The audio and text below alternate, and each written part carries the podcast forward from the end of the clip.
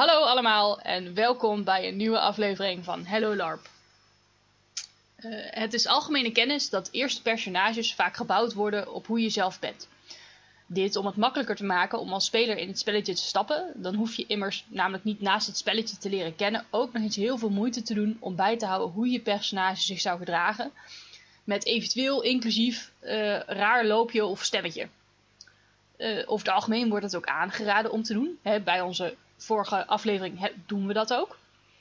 Het probleem wat hier echter mee komt, is dat wanneer je dan in het spelletje zit, dat het dan wel eens lastiger is om uit te vogelen wie er nu wat doet. Jouw personage zou uiteindelijk immers wel eens anders op een situatie kunnen reageren als dat jij zelf zou doen. Maar hoe leer je nu om die scheiding te maken tussen wat je personage meemaakt en hoe jij je daarbij voelt? Daarom gaan we het in deze aflevering hebben over twee zaken, namelijk bleed en OC-issues in het spel. Uh, Nordic LARP die heeft hier een heel mooi stuk over geschreven, uh, die ik in de notitie van de aflevering zal zetten. Namelijk Bleed the Spillover Between Player and Character. Die kan je ook opzoeken.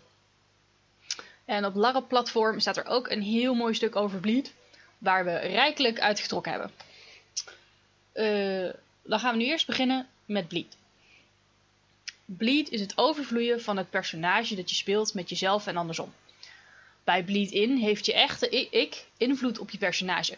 Denk hierbij aan dat omdat je net buiten het spel ruzie hebt staan maken met iemand, dat je binnen het spel echt moeite hebt om vriendelijk te zijn met het personage van die persoon. Bij Bleed, bij Bleed Out is het daarentegen weer net andersom. Je personage heeft invloed op je echte ik. Om hetzelfde voorbeeld te gebruiken, jouw personage heeft net een schreeuwende ruzie gehad, of is super boos op een ander personage geworden, en dat je dan tijdens een buitenspelmomentje moeite hebt om weer normaal te doen tegen die persoon die het personage speelt. En dat je die persoon eigenlijk afsnauwt. Het gebeurt uh, ons allemaal wel een keer. En het is ook echt niet erg. Want heel veel mensen weten wat er gebeurt. En dat het kan gebeuren. En hè, no hard feelings.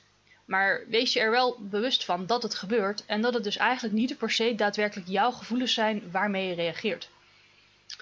Um, Pascal, Kotka, hebben jullie eigenlijk nog verhalen over wanneer dat jullie last hadden van een vorm van bleed?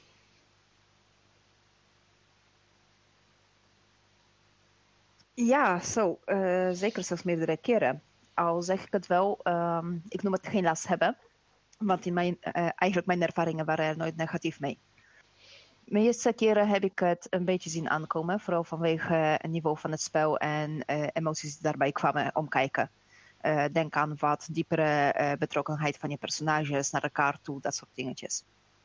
Ik heb meerdere bleeds ook gehad. Uh, eerste keer ooit was eigenlijk van een rollenspel tijdens tabletop.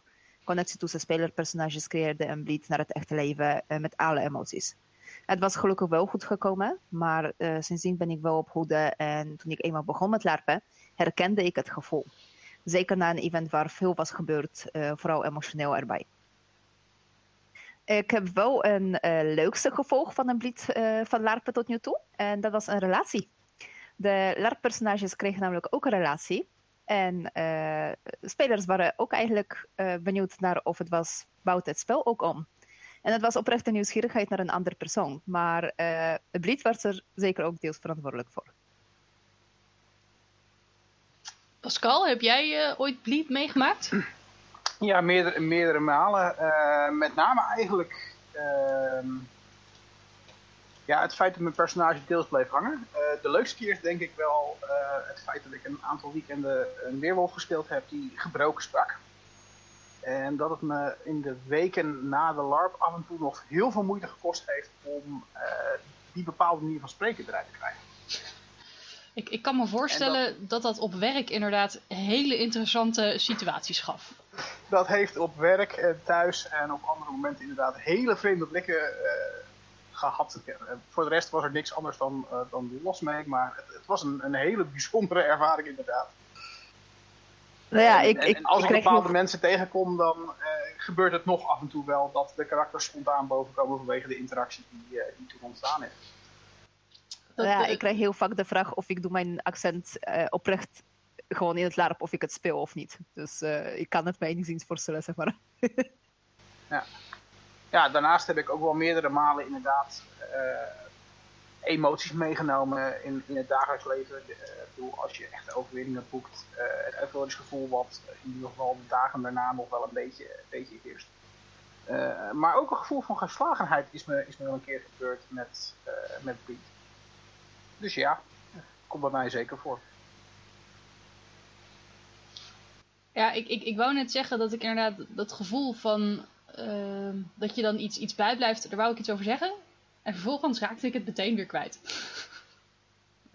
dus misschien, misschien uh, komt het later in de aflevering nog terug. Maar uh, Mark, als spelleiding, uh, ja, zelf zou je er misschien niet helemaal mee te maken krijgen. Maar in welke vorm heb je er wel mee te maken en hoe ga je er dan mee om? Ik, ik, ik, uh, ik hekel nog even, of ik hekel, ik hang nog even op wat Kotka net zei. Uh, ik bij mijn vrouw ben ik twintig jaar terug tegengekomen in, uh, in een spelletje. En ik zit me nu eigenlijk te bedenken, dat is wat langer verhaal hoe dat gegaan is. Hoe we elkaar in het spelletje veroverden en daarna bui, buiten het spelletje bij elkaar bleven plakken. Oh ja, en Louise. De, ja, ik weet niet of dat ook onder de DV, of daar ook iets, iets van dit ja, zeker. de bleed verhaal in zit. Nee, maar als spelleider, het hele bleed gebeuren is heel persoonlijk, denk ik. Dus het is voor mij als spelleider is het heel moeilijk om, um, om iets mee te kunnen of iets van te vinden. Um, ik heb natuurlijk wel dat uh, er ontstaan, denk ik, buitenspelse conflicten, omdat mensen binnenspelse problemen, uh, de, de, de, de ergernis die hun karakters opbouwen, dat die buitenspels doorvloeien. Ja. Um, en meestal belandt het op een gegeven moment bij jou, want er zit een onredelijkheid achter natuurlijk. En belandt dat bij mij als spelleider om het min of op te lossen. We hadden afgelopen, uh, deze zomer is de summoning geweest. En daar is een redelijk rampzalige scène geweest op zondagavond. Um, en daar was een speler die in die scène op een gegeven moment doorhad wat er misging. Niet ingreep. Um, uh, en daarna kukelde de, de, hele bende in het spelletje in elkaar. Met, met, er zijn doden gevallen. Het was allemaal vreselijk. Maar die jongen die zat buitenspel, gaf zichzelf zo vreselijk de schuld daarvan. Die, uh, die was helemaal in elkaar gekukeld. En zei, oh ik had het door, ik had het door. En ik heb niks gedaan, ik heb niks gedaan. Ik doe nooit wat. Het is, dat was heel erg. Ja. Yeah. Terwijl dat eigenlijk een, een binnenspels gebeuren is. En niemand hem wat kwalijk neemt. Maar buitenspels, die jongen die die gaf zichzelf zo vreselijk de schuld van alles. Um, nou ja, die, die zat er helemaal doorheen. Die was helemaal stuk. En, en hoe ben jij er dan als spelleiding zeg maar, mee omgegaan? De, de, ja, dat is heel moeilijk. Je probeert de jongen eruit te praten. Je probeert hem duidelijk te maken dat daar een grens in zit. En uh, dat wat er in dat spelletje gebeurd is, dat niemand hem dat buiten het spel kwalijk neemt. Mm -hmm. um, en dan wat ik net al zei, er zit een onredelijkheid in dat je daar kom ik me heel moeilijk doorheen. Uh, en deze jongen zat er ook zo doorheen. Ik heb, uiteindelijk, ik heb hem geprobeerd richting de EBO te krijgen. En toen zijn we gelukkig onderschept door, uh, door een bekende van hem. En die heeft hem uiteindelijk van me overgenomen. En met heel veel, um, nou ja, uit het spel gehaald. En rustig praten. En nu uitgekregen. Mm -hmm. um, volgens mij was dat wel de meest extreme vorm van bleed die ik heb gezien tot nu toe. Ja, het, het, het, was ook inderdaad ook wel een heel heftig spel. Het, het, het zal me niet verbazen als er uit afgelopen summoning heel veel bleed los is gekomen. Ja, ja, dat, het, het, het, ja het, het stroomt aan, aan alle kanten uh, uh, eruit. ik zat nog te denken, want ik, als spelleider andersom, uh, soms misbruik ik het wel een beetje. Als ik natuurlijk weet, het, het moeilijkste een spelleider is, hoe zorg ik ervoor dat mensen zich betrokken voelen bij het verhaal wat ik probeer neer te zetten. Ja. En dan kan je soms wel een klein beetje vals spelen door uh, uh, te leunen op uh, wat je buitenspels van mensen weet. Dat als iemand buitenspels kinderen heeft, dat ik binnenspel allerlei metaforen optrek met, weet je, dit is vreselijk, dit is als huilende kinderen midden in de nacht, je voelt je geroepen om er naartoe te gaan. Zo mensen toch... metagamen, toch? Het is een beetje beter gamen, ja. Ja, maar ik, ik denk dat je dat als spelleiding tot op zekere hoogte ook een beetje van je verwacht wordt. Want je moet zorgen dat jouw verhaal, dat dat binnenkomt bij die persoon. En dat je, net als dat je als Dungeon Master van, van D&D, dat je alles aangrijpt wat je maar hebt om dat gevoel binnen te laten komen. En als jij weet dat als jij zegt zo van nou, als ik de kleur groen tegen iemand zeg, dan, eh, dan gaat hij meteen helemaal over de rooien. Dus dat je dan heel voorzichtig bent met dat het een, een lieflijk kleur groen is van een, van een maagdelijk grassprietje. Om het eh, zo rustig mogelijk te houden, weet, weet ik veel. Weet je, maar dat je. Dat is ook een, een, een manier van omgaan met ehm, wat je weet van die persoon. Waar we het in de aankomende weken ook nog meer over gaan hebben. Ehm, en dat je dat gebruikt om het spelletje zo leuk mogelijk te maken. Volgens mij werd het een heel war- warrig verhaal.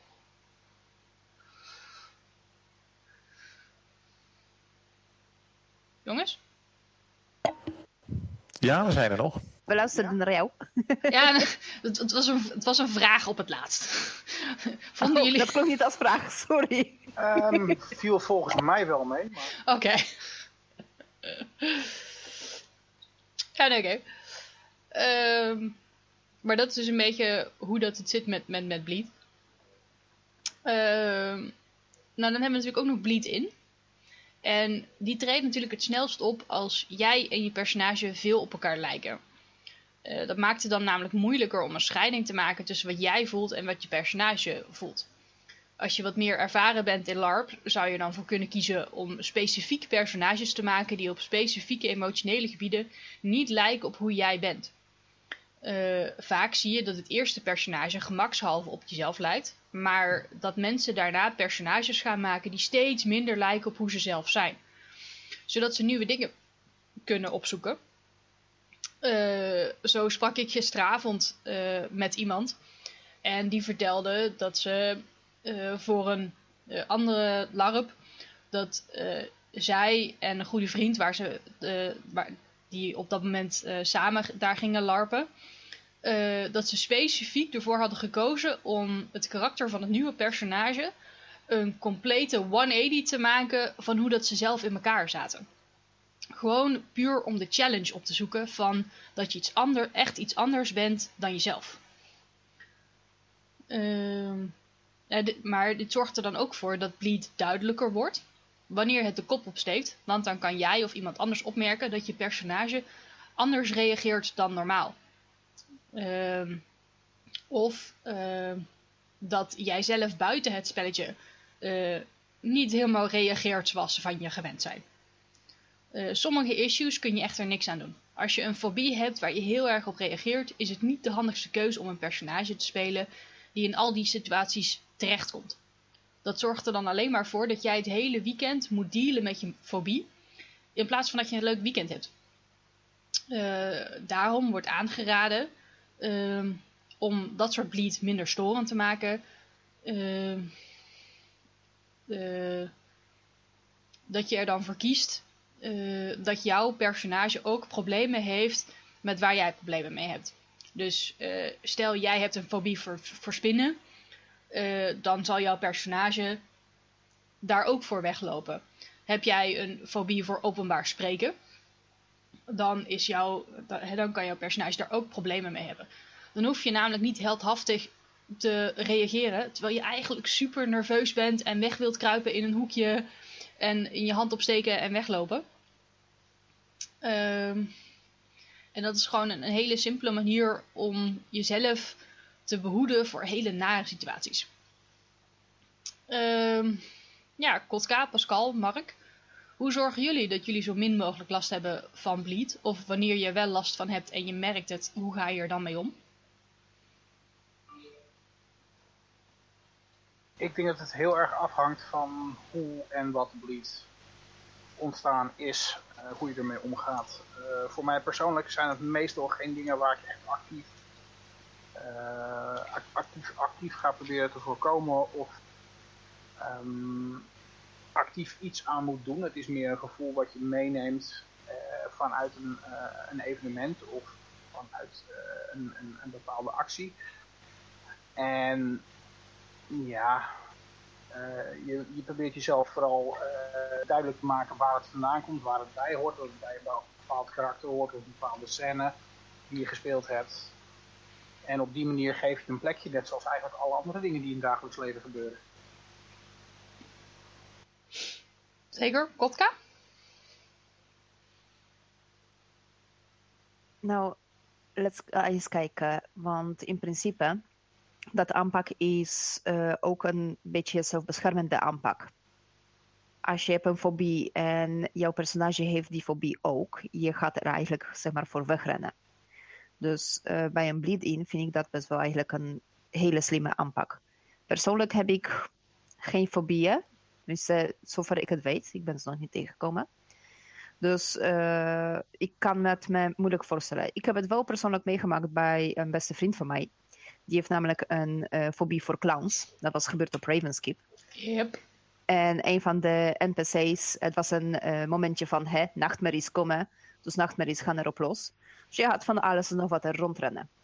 Yep. Een daarvan was namelijk iemand die was uh, aangekleed in een uh, bodysuit, uh, zo'n Zentai pak, pak als een clown. Nou, het eerste reactie wat we zagen toen mijn beste vriend kwam dat wezen tegen. Goh, dat is best uitgespeelde fear ever. jongens, wacht even, hij heeft een oprechte fobie. Shit. Ja, toen was het duidelijk gemaakt. En hij, heeft, hij is daadwerkelijk gewoon het speelterrein weggerend van. En uh, daarna was het dus wel gemeld bij de spelleiding, uh, guys. Een probleempje, er is iemand met daadwerkelijke fobie voor clowns. Dus dat pak was uit het spel gehaald. Gelukkig. Maar dat was een voorbeeld van wat ik het dus zeg maar zag. Um, zelf heb ik zo mogelijk last eigenlijk van bleed-in vanwege het feit dat uh, ik pak het een beetje psychologisch aan. Uh, mijn personages zijn een facet van mij, een deel van mij. Ja, daarmee benadruk ik een deel van mij, karaktertrekjes, dat soort dingetjes. Maar daarmee distancieer ik mezelf ook van mijn personage. Dus ik spreek over mijn personages niet als ik, maar zij. Uh, zij heeft dit gedaan, zij heeft dat gedaan. Als het is een bewuste reactie van mij, dan heb ik het pas over, ik heb toen dat gedaan. Maar bijvoorbeeld net zo makkelijk geef ik aan wat spookte door het hoofd van mijn personage. Want ik hou uh, LARP en IC en OC hou ik heel erg gescheiden in mijn hoofd. Anders gaat dat gewoon echt ontiegelijk grote blik geven en dat is niet fijn. Ja, de, dat, dat ken ik uh, heel erg. Ik weet dat ik over mijn viking personage... Uh, ik, ik, ik vind het moeilijk om zij te zeggen. Ik heb het dan heel vaak over uh, gewoon Embla. Ik, ik, ik spreek er gewoon aan met, met haar naam en ik zeg dan van nee hoor, Embla zou dit of dat doen of Embla heeft dat gedaan. Ja, dat werkt ook. Spreek, in feite gaat het om spreken in derde persoon. Dat, ja. dat is het belangrijkste. En uh, ik weet niet of het werkt voor iedereen bijvoorbeeld. Als ik merk uh, dat ik krijg mijn personage niet uit mijn hoofd, om welke reden dan ook. Want bijvoorbeeld heb ik geweldige avonturen gehad, om het zo te zeggen. En dan kom ik er steeds op terug, want iedereen vraagt, hoe was je LARP?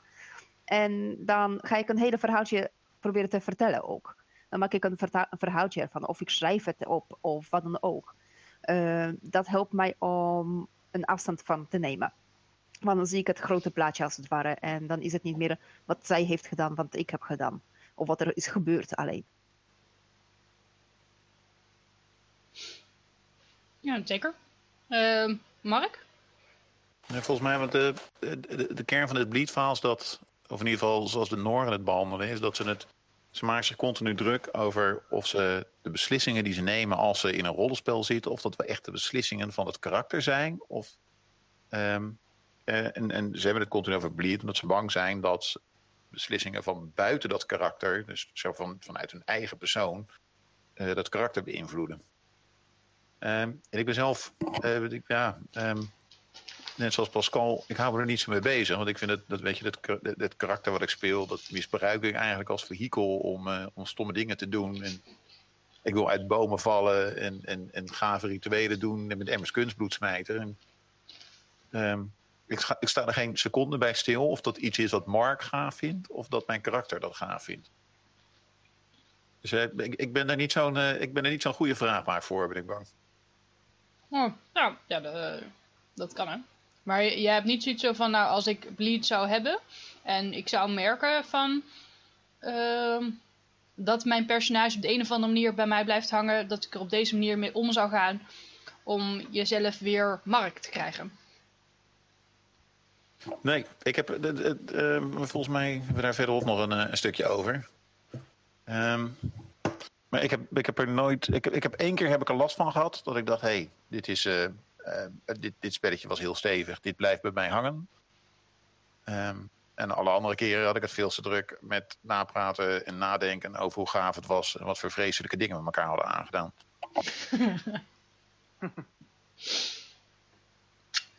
Ja, nou, dat is eh Bleed In.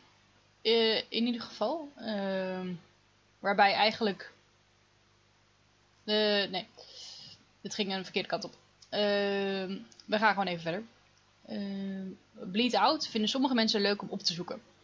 Eh, zodat ze zelf ook angst voelen als een personage eh, bang is. Dat ze zich euforisch voelen als het personage iets heeft kunnen oplossen, kunnen bereiken. Maar lang niet alle bleed-out ervaringen zijn positief. Eh, op die minder, om die minder positieve ervaringen buiten de deur te houden, zou je bijvoorbeeld je personage een bepaalde manier van bewegen of spreken kunnen geven. Hierdoor ben je heel bewust van wanneer je je personage aan het spelen bent en wanneer dat je even buiten het spel bent. Het geeft je ook meteen een handige manier om het spel in te stappen, aangezien die transitie soms ook heel lastig kan zijn. Vergeet hierbij de transformerende actie van kleding niet. Doe dus pas je kostuum aan vlak voor, de, voor je het spel instapt. En zorg dat zodra je het spel uitstapt, dat je een belangrijk kledingstuk uitdoet. Denk dan aan een armband of een tulband of een hoed, die heel belangrijk en significant is voor je personage. Zodra je dan namelijk het spel weer instapt, kun je het aandoen van dat kledingstuk gebruiken ter transformator. Door zo min mogelijk je kostuum buiten het spel aan te doen, zorg je er ook voor dat je in dat kostuum meer je personage bent en minder je eigen ik. Ook helpt het om over je, hè, zoals eh, Kotka en ik al besproken, eh, over je personage in de derde persoon te praten en te zeggen: Mijn personage deed dit of dat, in plaats van ik deed dit of dat. Hierdoor bewaar je als vanzelf al meer afstand tot je personage en is het ook makkelijker om die scheiding te bewaren tussen wat jij deed en wat je, wat je personage gedaan heeft. Wat ook een goed idee kan zijn, is om nadat je een heftige scène met iemand hebt gehad, er vlak daarna, zodra het klaar is, even met je handje omhoog met die persoon te praten en duidelijk te maken dat jij zelf niet boos bent op die persoon. Want rationeel weten dat alleen je personage boos is en jij zelf niet, is soms iets heel anders als dit ook voelen. Zeker als het iemand is met wie je eh, eigenlijk nog nooit hebt gespeeld of met wie je niet zoveel ja, dat soort spel hebt gehad, zodat je elkaar nog niet echt kan aanvoelen. Dus je weet nog niet heel, heel erg of dat de persoon dat van jou kan aanvoelen. Ehm, hoe dat, dat nu zit. Ehm, met eh Moeds 1 van 2018 van Vortex Adventures heb ik dit heel specifiek gedaan. De koning van de noordelijke vikingen was op bezoek en werd gespeeld door een van de factiespelleiders van, van de factie, van Lucht. De beste man is, is super lief, maar als koning was het een eikel. Al vanaf het moment dat hij aankwam lopen was de spanning ineens om te snijden. Meerdere mensen, waaronder ik zelf, zijn het spel uitgestapt tijdens het hele gebeuren, omdat het gewoon te spannend was en niet te dragen samen met alle andere dingen die de vikingen mee hadden gemaakt dat weekend en niet al te lang daarvoor tijdens de special. Eh, helaas waren alle vikingen om wie dat ging ook daadwerkelijk nodig in die confrontatie met die koning. Dus dat was af en toe even wat lastiger. Ehm, nou, ik zelf kan al heel slecht tegen confrontaties en ga dan automatisch schuilen. Eh, ja, dat is een def defense mechanism dat ik ooit een keer heb opgebouwd, wat, wat ik nog aan het afbreken ben. Maar mijn LARP-personage, die, zit, hè, die is viking, die zit eigenlijk zo niet in elkaar. Dus dat is niet helemaal handig. En ik hoopte eigenlijk dat, om op die manier te zijn, dat, ik het eruit zou kunnen trekken. Maar dat gebeurde dus niet helemaal. Maar omdat ik voor het eten zorg en de koning bij ons kwam eten, was het voor mij niet mogelijk om me geheel uit het gebeuren te trekken.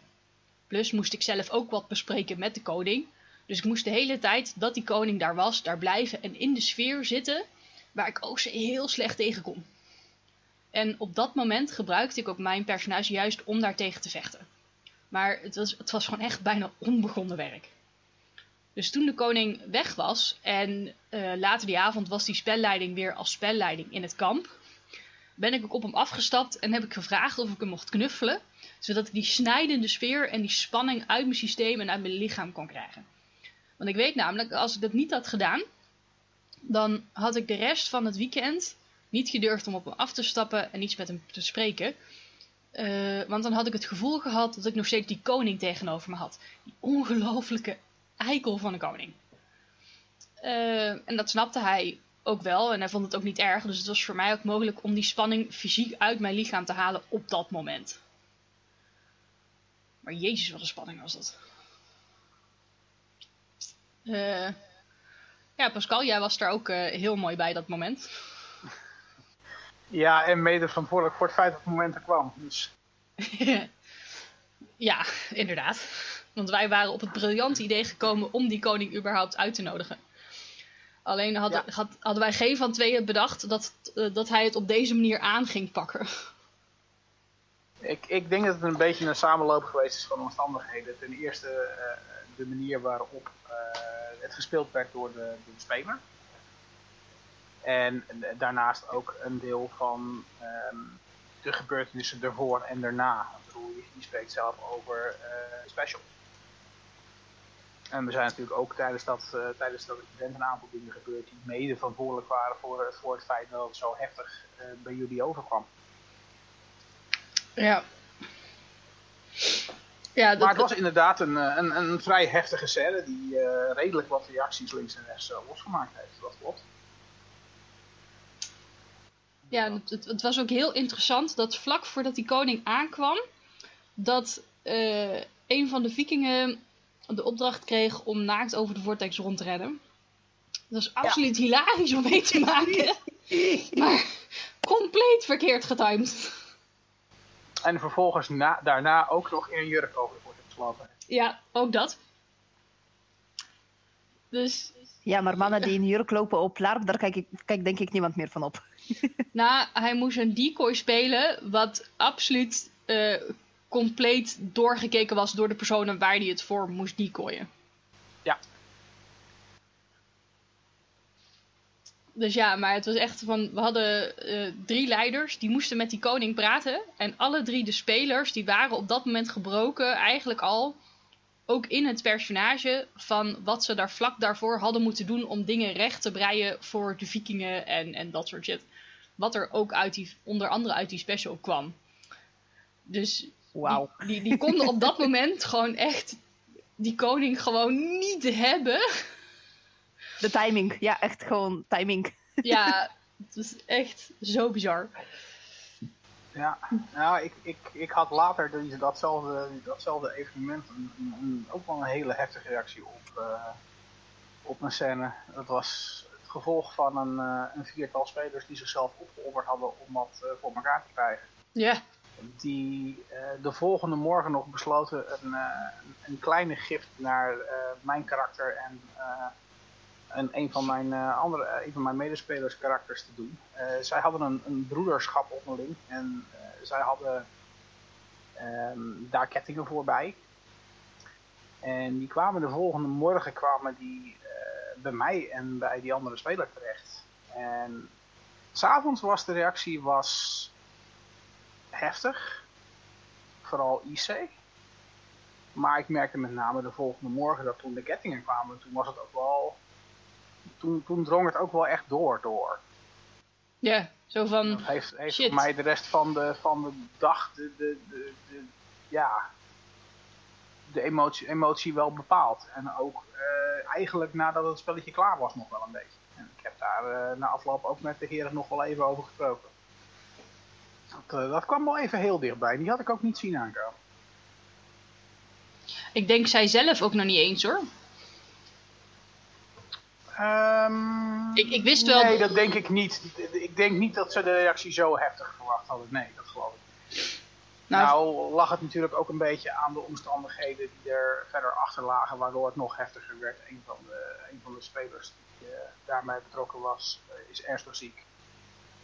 En dit was waarschijnlijk voor hem zijn laatste, eh, laatste, laatste keer dat hij mee kon doen. Ja, ja, het was voor hem echt een hele mooie manier om dat personage. Ehm, Af te ronden. ja, ja, dank je. Ik, ik kwam met iets anders aanzetten en ik denk, nee, laten we dat Nee. maar niet zeggen. Af te ronden. ja. En, eh, maar dat, die, die lading zat er ook wel een beetje bij. En, en dat maakt het eh, ja, heftiger. En ergens is dat helemaal niet erg. Want het is ook wel voor mij een heel groot deel van de charme van het spelletje. Het feit dat je in situaties terecht kan komen waarbij je bepaalde dingen voelt en bepaalde dingen kunt ervaren ehm, die je normaal gesproken niet zou doen, maar ook niet zou willen. Ja, inderdaad, in het normale leven ehm, zou je inderdaad gewoon echt niet uh, tegenover zo'n eikel van een koning willen komen staan. En er dan mee moeten dealen. Nee, maar er zijn, er zijn wel meer dingen te bedenken die uh, gebeuren in het spelletje. Ik bedoel, um, hoe voel je je op het moment dat je um, iemand omgelegd hebt? Hoe voel je je op het moment dat je gemarteld wordt? dat zijn dingen waar je mee in aanraking kan komen in het spelletje. En, en wel hun weerslag kunnen hebben, zowel bleed in of bleed out. Maar het is wel een mogelijkheid die je hebt om het te ervaren op een manier die... Veilig is. Veilig is, ja. Zolang je je grenzen maar aangeeft natuurlijk. Ja, en dat is de volgende aflevering. Absoluut, ik denk ik zal het bruggetje voor je maken. Dankjewel. Ik zat ook aan te kijken van hoe ga ik het bruggetje maken. dat uh, komt vanzelf wel goed. ja, precies. Maar nee, maar dat vind ik inderdaad ook echt wel uh, het hele mooie aan deze fantastische uh, kuthobby. Uh, met een Q. Met een Q. Ja. Dat je dus inderdaad de kans hebt om dingen te ervaren die je in je dagelijks leven eh, gewoon eigenlijk nooit tegen zou komen. Omdat het dagelijks leven is daar te banaal. Te veilig. Te, te veilig. Ja, en dan ga je dat soort dingen ga je ook niet opzoeken, want je bent te veel bezig met het behoud van je eigen leven. Klopt, maar je komt ook gewoon niet eens in dit soort situaties die zouden überhaupt het van jou vereisen om jezelf bijvoorbeeld te verdedigen of wat dan ook, weet je. Mm En als je dat uh, uh, wel krijgt voor elkaar, om het zo te zeggen, dan uh, loop je in een verkeerde wijk. Ja. Maar ja, dat is over het algemeen met LARP is het natuurlijk ook voor heel veel mensen die proberen ook heel vaak uit hun comfortzone te stappen. Heb ik gemerkt. En uh, LARP is daar heel goed geschikt voor, want je maakt dingen mee, zoals je zei, dat je normaal gesproken zou niet meemaken. En dat is best wel een leuke ontdekkingsreis voor heel veel mensen, denk ik. Ja, zeker. Uh, maar dan heeft Pascal het net ook al een beetje aangetikt en daar gaan we nu wat verder op in. Uh, namelijk een onderwerp wat gerelateerd is aan bleed. En dan vooral bleed in. Uh, en dat zijn namelijk OC-issues in het spel. Ik zelf vind dat het niet helemaal hetzelfde is, omdat wat er in dit geval gebeurt, is dat je door dingen waar je buiten het spel last van hebt, in het spelletje er als het ware uit kan worden getrokken. Uh, hier zal over gediscussieerd kunnen worden over of het nu wel of niet als bleed wordt gezien. Maar persoonlijk heb ik het dan voornamelijk over die momenten waarbij je dusdanig heftig reageert op situaties dat je in een fight or flight situatie terechtkomt. Dat je niet eens meer als jezelf kan reageren. Uh, hierbij kom je dus terecht in je oerinstincten en ben je effectief uit het spelletje geknikkerd. Voor de goede orde, het gaat er dan niet om dat je zo heftig het spelletje speelt met een bepaalde scène dat je zelf wegrent van de boeman ik heb het dan over momenten waarin je geconfronteerd wordt met je trauma's, je ergste fobieën. Uh, denk terug aan het verhaal wat ik net vertelde. Uh, ik werd door de scène dusdanig in een traumatische mindset geforceerd dat ik niet goed meer mee kon doen aan het spelletje. Mijn personage had eigenlijk allerlei reacties moeten doen op die koning. Hij had op hem af moeten stappen en zeggen: Jij dwingt niet om mijn vikingen te knielen voor je, want het zijn niet jouw vikingen, het zijn mijn zuidelijke vikingen en daar heb jij niks mee te maken. Die moeten voor mij knielen hooguit. En wat ze niet gaan doen, maar hè. Uh, maar dat lukte mij niet, omdat de situatie mij dusdanig weghield van mijn personage dat ik niet fatsoenlijk kon reageren. Uh, andere mensen kunnen niet tegen het zien van bloed, of uh, nee, bloed als het er echt genoeg uitziet, of tegen gigantische spinnenmonsters, of zoals we net hoorden, tegen clowns. en dat zijn allemaal dingen waar je niet altijd iets tegen kan doen. Soms is het iets waar je al je hele leven last van hebt. Soms heb je dusdanig iets traumatisch meegemaakt dat het bij je is gebleven. Uh, er is een reden dat veteranen recht hebben op begeleidende honden bijvoorbeeld. Om te zorgen dat ze niet blijven zitten bij hun trauma als ze iets tegenkomen of een nachtmerrie die, die hun daar weer naartoe terugbrengt. En binnen LARP, wat natuurlijk heel spannend is, is dit, uh, is dit niet anders. je, je, kan er ineens mee worden geconfronteerd. Uh, de ene LARP uh, zal dat wat makkelijker mee gebeuren als een andere. Dat is ook net even afhankelijk van waar dat de LARP specifiek mee speelt. Ehm, maar ja, wat doe je ermee als je het tegenkomt? Het belangrijkste uh, is dat je voor jezelf duidelijk hebt wat voor jou nu precies OC-situaties zijn waar je IC last van kan hebben. Uh, dus laten we even een rondje doen. Ik kan bijvoorbeeld heel slecht tegen confrontaties. Uh, vechten in een rol waar niet bij is aangegeven dat hij gaat vechten. Ik kan heel slecht tegen opgesloten worden, het gevoel van niet weg kunnen. Uh, mensen die in mijn buurt boos zijn. Dat te maken heeft met confrontaties, maar dan zit ik er niet zelf in. Dat, ja. Uh, spanningen, inderdaad. Uh, of vechten terwijl ik niet kan en mag vechten. dat, wat zijn bij jullie de dingen? Uh, bij mij is het eigenlijk een uh, vrij simpele en bekende uh, seksuele misbruik. Ver, scènes met verkrachtingen. ik reageer daar met een respons dat stemt een beetje vanuit het fight, flight or freeze. alleen in mijn geval is het fight. Uh, ook de scènes waar ik moet bijvoorbeeld laten zien dat uh, ik moet pijn lijden. Het laten zien dat ik heb pijn. Uh, dat zijn scènes wat ik kan eigenlijk niet echt goed uitspelen, heel simpel gezet, gezegd. En uh, verder, waar heb ik eventueel um, moeite mee, om het zo te zeggen, is misbruik van macht in een BDSM-setting, scènes. Daar heb ik een beetje sterke respons op, zeg maar. Ja, voor mij zijn er vrij weinig type scènes waar ik echt voor echt een probleem mee zou hebben. Um, ik ben niet een heel groot fan van uh, echt romantische scènes met mensen die ik niet ken. Laat ik het, uh, laat ik waar ik, ik geen uh, verder contact mee gehad heb. Maar zijn er echt dingen die voor mij een, een fight-or-flight reactie oproepen? Eigenlijk niet. Ik ben ze nog niet tegengekomen in ieder geval. Wees blij. Eh, Mark? Um, nee, ik, ik, ik dacht uh, 24 jaar lang dat, uh, dat het me allemaal niet zou interesseren en dat het gewoon een leuk spelletje was. Maar mm -hmm. ik had, uh, ik heb vorig jaar of twee jaar terug ondertussen al hebben een, een LARP gespeeld waarbij we in een secte zaten. Um, en dan werd ik in eerste instantie werd ik daar samen met, uh, met mijn tegenspeelster ingeschoten als, uh, uh, ja, als een soort, in een soort, in een, een beetje een platte van maakrol. Wij waren dan de, um, we gingen als Henk en Ingrid. Um, dus de, nou ja, daar wordt een bepaald type kiezer van een bepaalde politieke partij mee verondersteld natuurlijk. Oh ja? En dan, in het spelletje hadden we daar uh, hadden wij kinderen. En die werden gespeeld door twee dames. En die, uh, nou ja, dat, dat, dat klikte best goed. En ergens in dat weekend uh, raakte ik die dames kwijt in dat spel.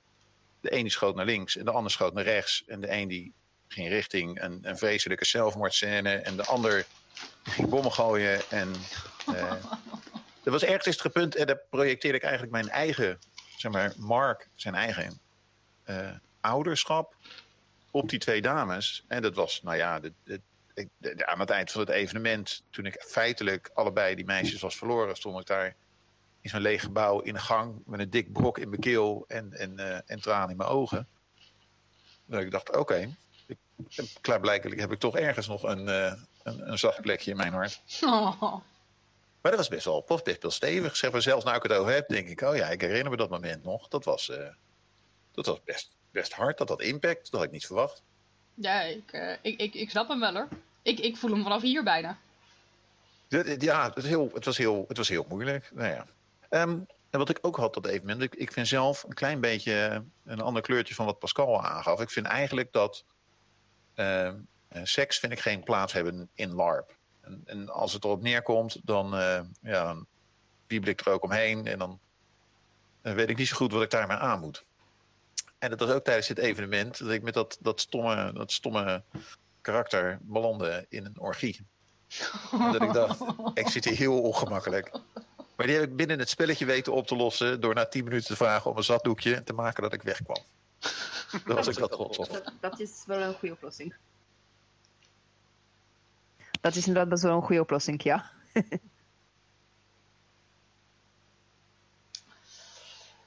Ehm, nou ja, na- naast dat je, hè, Mark geeft het al meteen aan, eh, met zijn laatste eh, voorbeeld van dat het, eh, wat je dan kunt doen, mocht je het wel IC tegenkomen.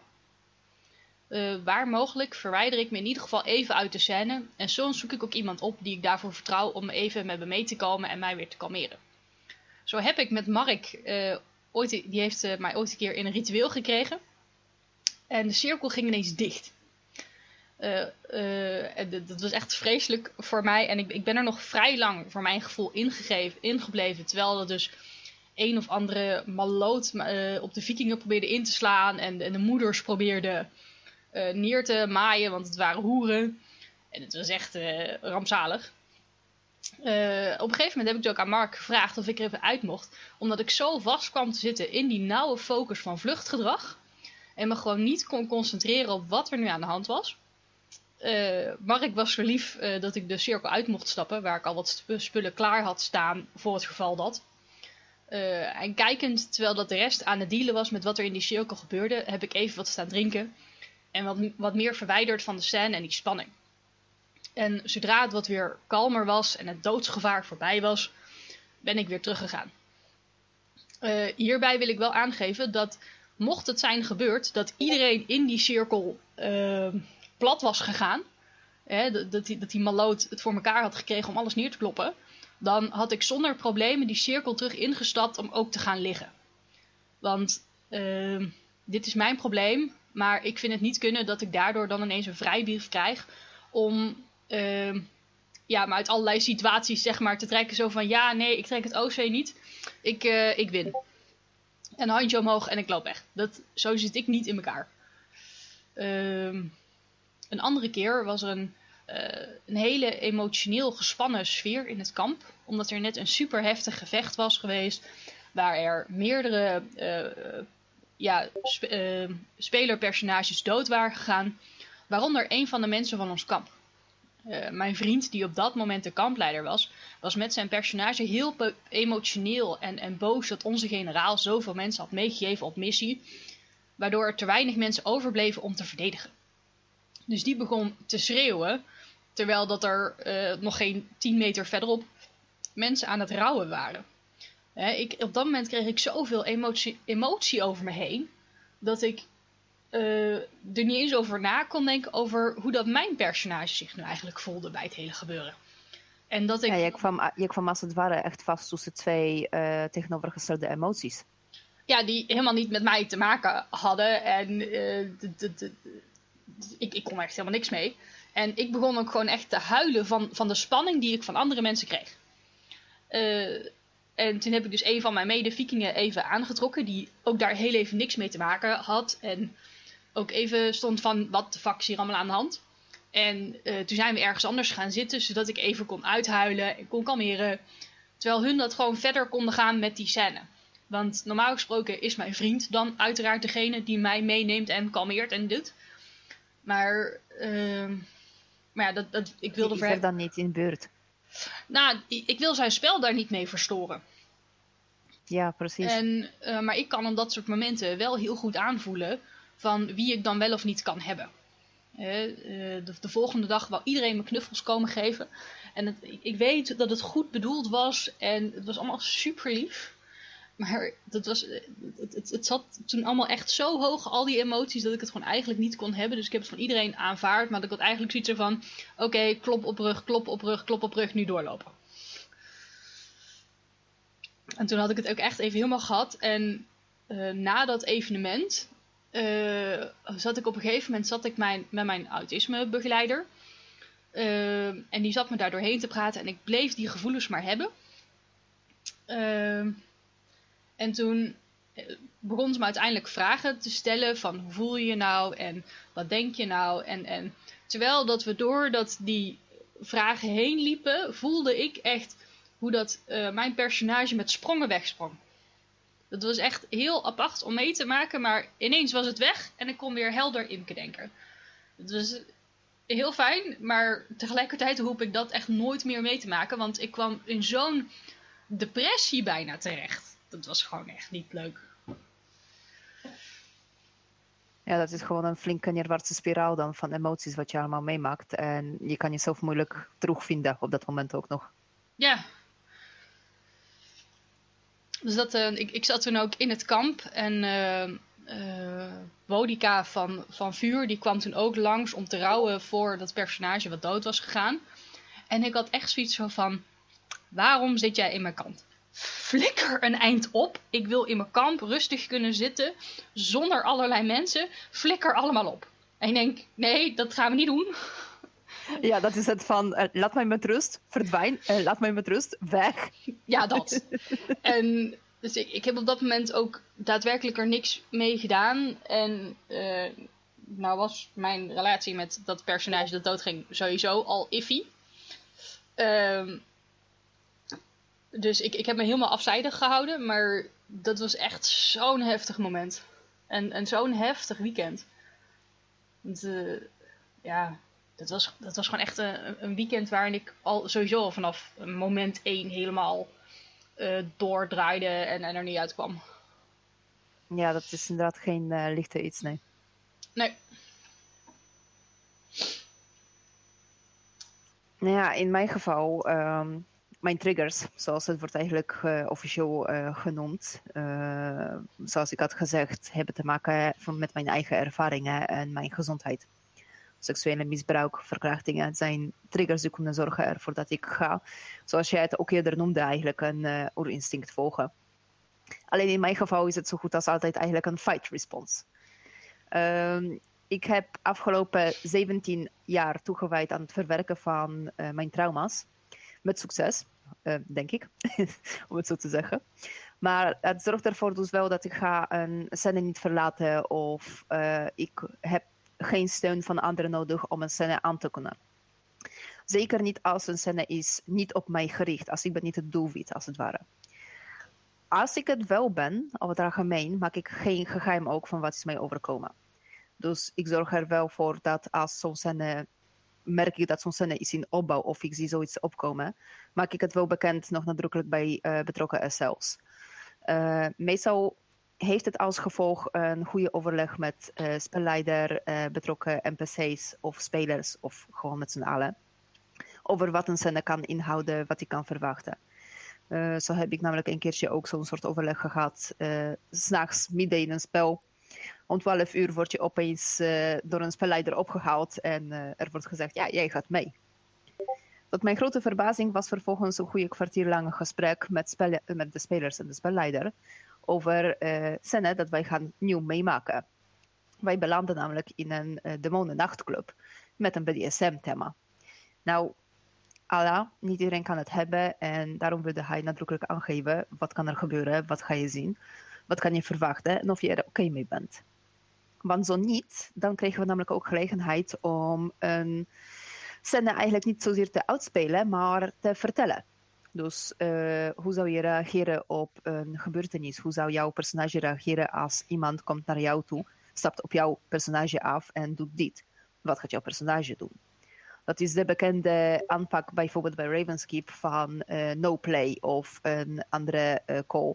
Dat je wil niet meedoen aan een scène vanwege persoonlijke redenen bijvoorbeeld. Um, vanwege mijn ervaring met vechtsporten, waar heb ik uh, meerdere jaren aan meegedaan en op een best hoog niveau, um, heb ik bij een fight response uh, volledig andere reactie. Uh, kan daadwerkelijk gevaarlijk worden, als het, als het ware zelfs voor andere mensen. Dat maak ik ook bekend meestal. En ik geef eerlijk toe, tot nu toe in die bijna zes jaar ondertussen dat ik ben aan het larpen, heb ik nooit een fight response gehad, als het ware. Dus dat was een hele fijne, dat geef ik echt eerlijk toe. Dat zegt ook best wel wat over de aanpak van mensen en kennis dat er is gewoon. Maar bijvoorbeeld wat betreft mijn uh, moeten uitspelen van pijn lijden. Uh, ik heb ervaring met vechtsporten eh, je wordt daar 9 van de 10 keer in elkaar getimmerd voordat je kan iemand anders in elkaar slaan. Ja, dat werkt zo nou eenmaal. Eh, heb ik een volledig andere omgang met pijn dan de meeste mensen. Daar komt ook een andere aandoening van mijn eh, gezondheid bij.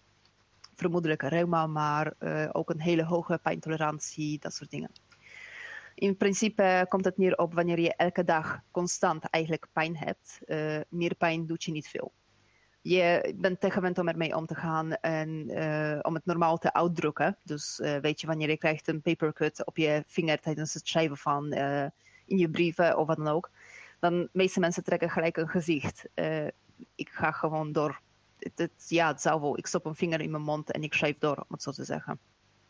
Ik heb een eh, onhandig momentje gehad tijdens mijn LARP-avont- LARP-avontuur met dat. Ehm, er was een scène eh, waar mijn personage was echt aan het pijn lijden. Echt heel veel pijn. Het was torture call. En in dat geval wordt er gezegd, ja, je moet je pijn wel uitdrukken. Je moet gaan uitschreeuwen. En ik stond daar met een beetje eh, domme uitdrukking op mijn gezicht, want eh, ik wist letterlijk niet wat ik moest doen. Hoe ik dat kon eh, uitdrukken, hoe, ik moest dat uitdrukken. Gelukkig kon ik dat wel uitleggen aan de cells. Die hadden er ook begrip voor. Die hadden mij ook een idee gegeven hoe kan ik dat bijvoorbeeld anders gaan dan aanpakken of oplossen. Maar ja, ik voelde me best wel stom op dat moment. dat was echt zo'n zo, zo'n awkward moment. Ja, En, eh, Dat, dat geloof ik ook wel echt helemaal. Want als je zelf op een gegeven moment eigenlijk niet meer weet hoe dat je iets doet, omdat je het voor jezelf wegstopt, dan is het ineens lastig om dan op het moment zelf te denken: ja, hoe doet mijn personage dit? Ja, precies. En het- is niet zozeer zelfs wegstoppen, maar je weet gewoon niet meer hoe je deed vroeger. Ja. En van mijn eh, ja, triggers voor de rest is ja, zwangerschappen eigenlijk. Dat is gewoon eh, moeilijk voor mij, voornamelijk emotioneel. En dat is dus een spel wat ik niet zomaar aanga. En enkel eh aanga wanneer ik weet dat ik het aan kan. En meestal verschil is ook wat is de reden voor het zwangerschap. Dus eh, op zich dat.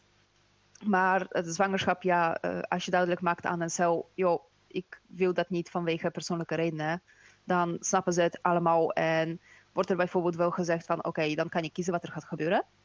Of bijvoorbeeld, ja, wat zou andere gevolgen kunnen zijn? En meestal heeft het ook wel leuke gevolgen, als het ware. En ja, in principe op welke dan ook van mij, eh, door mij genoemde triggers, als er zou doorgeduwd worden, echt gepusht, eh, heel simpel, ik zeg no play. En dat doe ik niet zomaar, dat gebeurt niet snel. Dus om dat echt voor, om mij zover te krijgen, zou iemand echt heel erg fout moeten bezig zijn.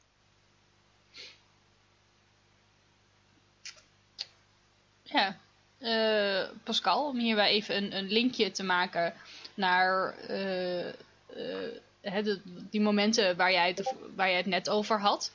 Eh, hè, met, met, met die broeders. ehm, en dat dat toen dus zo hard blijven hangen. Ehm, wat, wat heb jij toen gedaan om eh, jezelf daarbij wat, wat meer te kunnen verwijderen?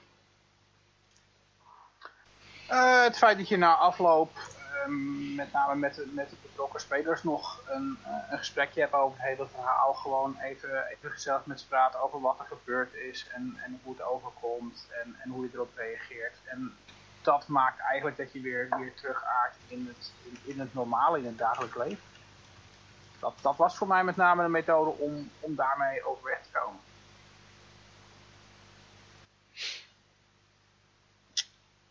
Ja, want ehm, eh, we hebben het eh, net ook gehad over, over de weerwolf die blij, bij je bleef.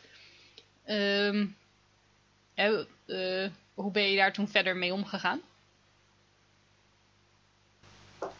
Ja, nou ja, net, eigenlijk net zoals met alle dingen die je in het dagelijks leven tegenkomt, die gebeuren waar je op de een of andere reden eh, langer ehm, een, een gevoel bij hebt. Dingen die tegenzitten, dingen die eh, niet werken zoals je wilt, frustratie, eh, teleurstelling, al dat soort dingen.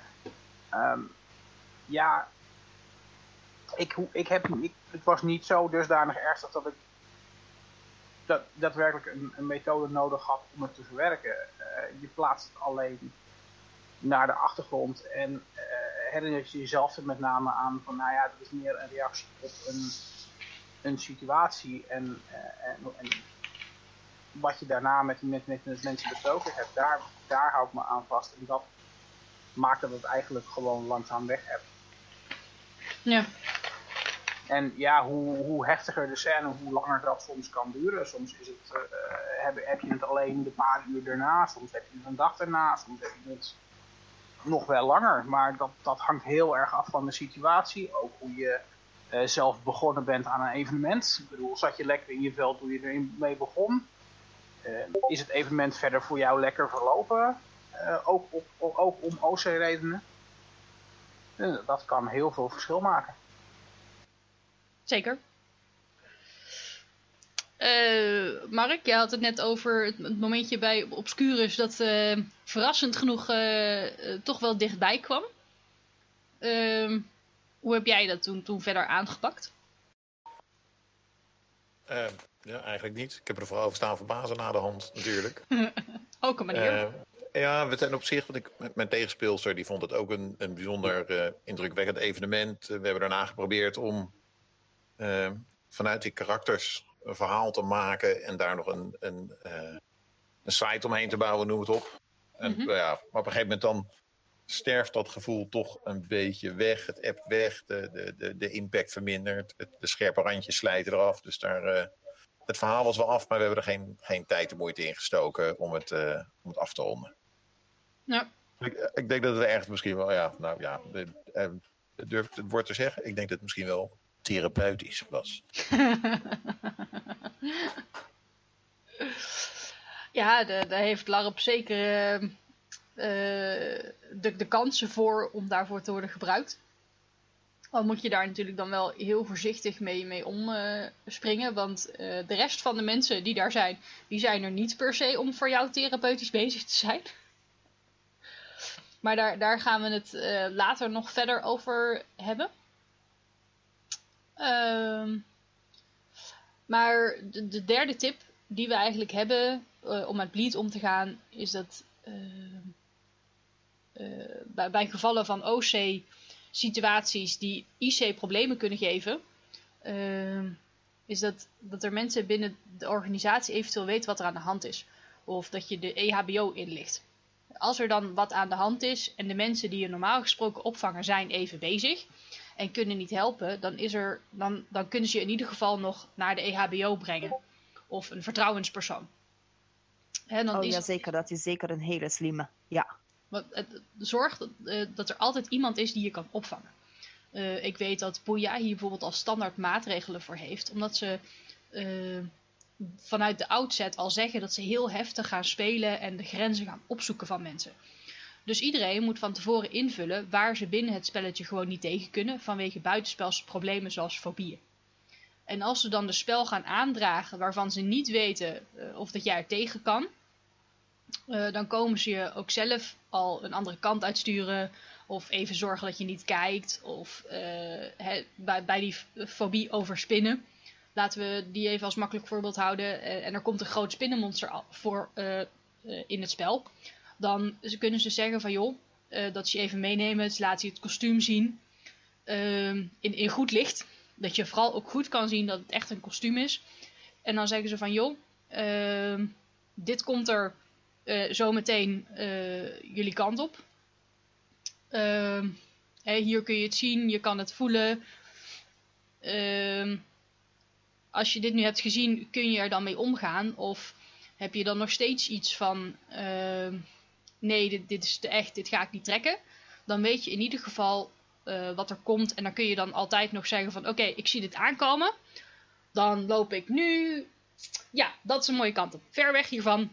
Uh, jongens, ik, uh, ik zie jullie straks. Vertel me vooral hoe het was. Ja, precies. Er wordt gewoon gecheckt of je dit kan hebben. Er wordt daadwerkelijk gewoon gecontroleerd van... joh, kijk dit. dit komt zo meteen aanlopen. Triggert dit jou? Heb jij hier last van? Gaat hier iets gebeuren bij jou? En ze zijn daarmee echt goed oprecht. Maar ook bijvoorbeeld met bloed, nepbloed. Uh, ik ben een NPC bij Boeia. En ik moest best wel een bloederige eh, scène gaan uitspelen. En eh, spelers hebben fobieën, NPC's ook.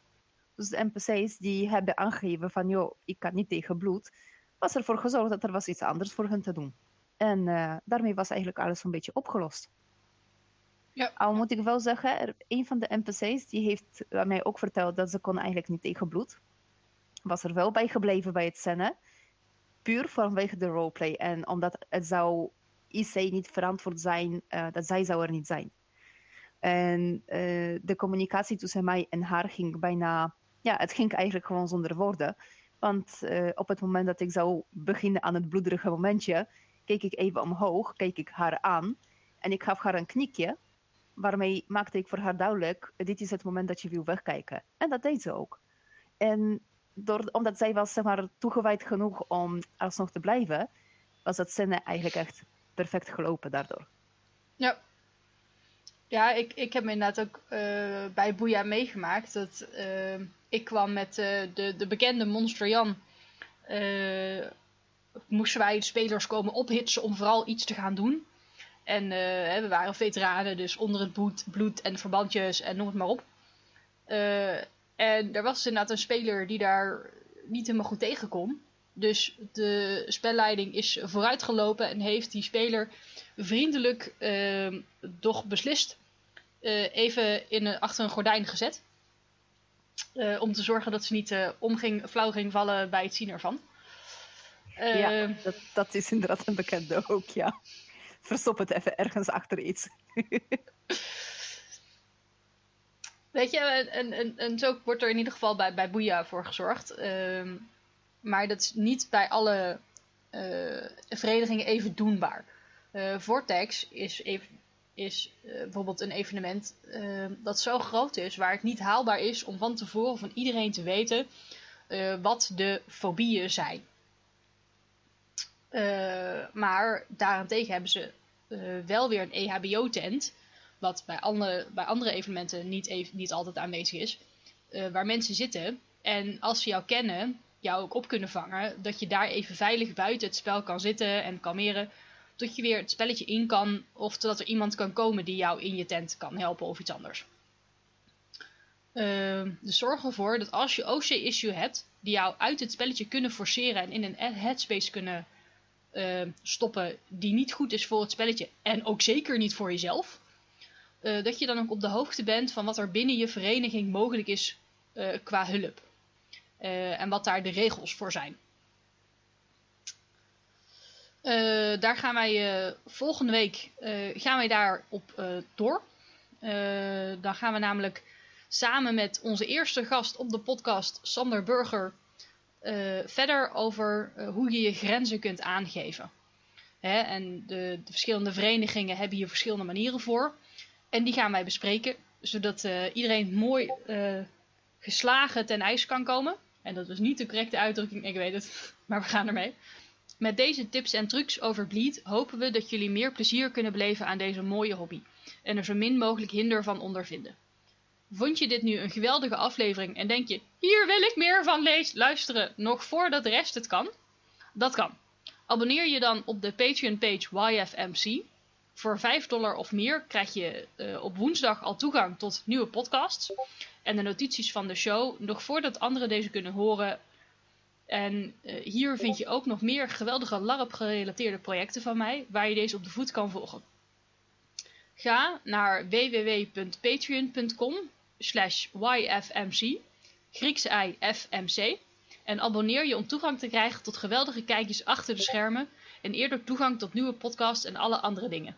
Zoals uh, ketelrecepten, die absoluut IC verantwoord zijn, en uh, tarotleggingen die je ook kan aanvragen voor je LARP-personages.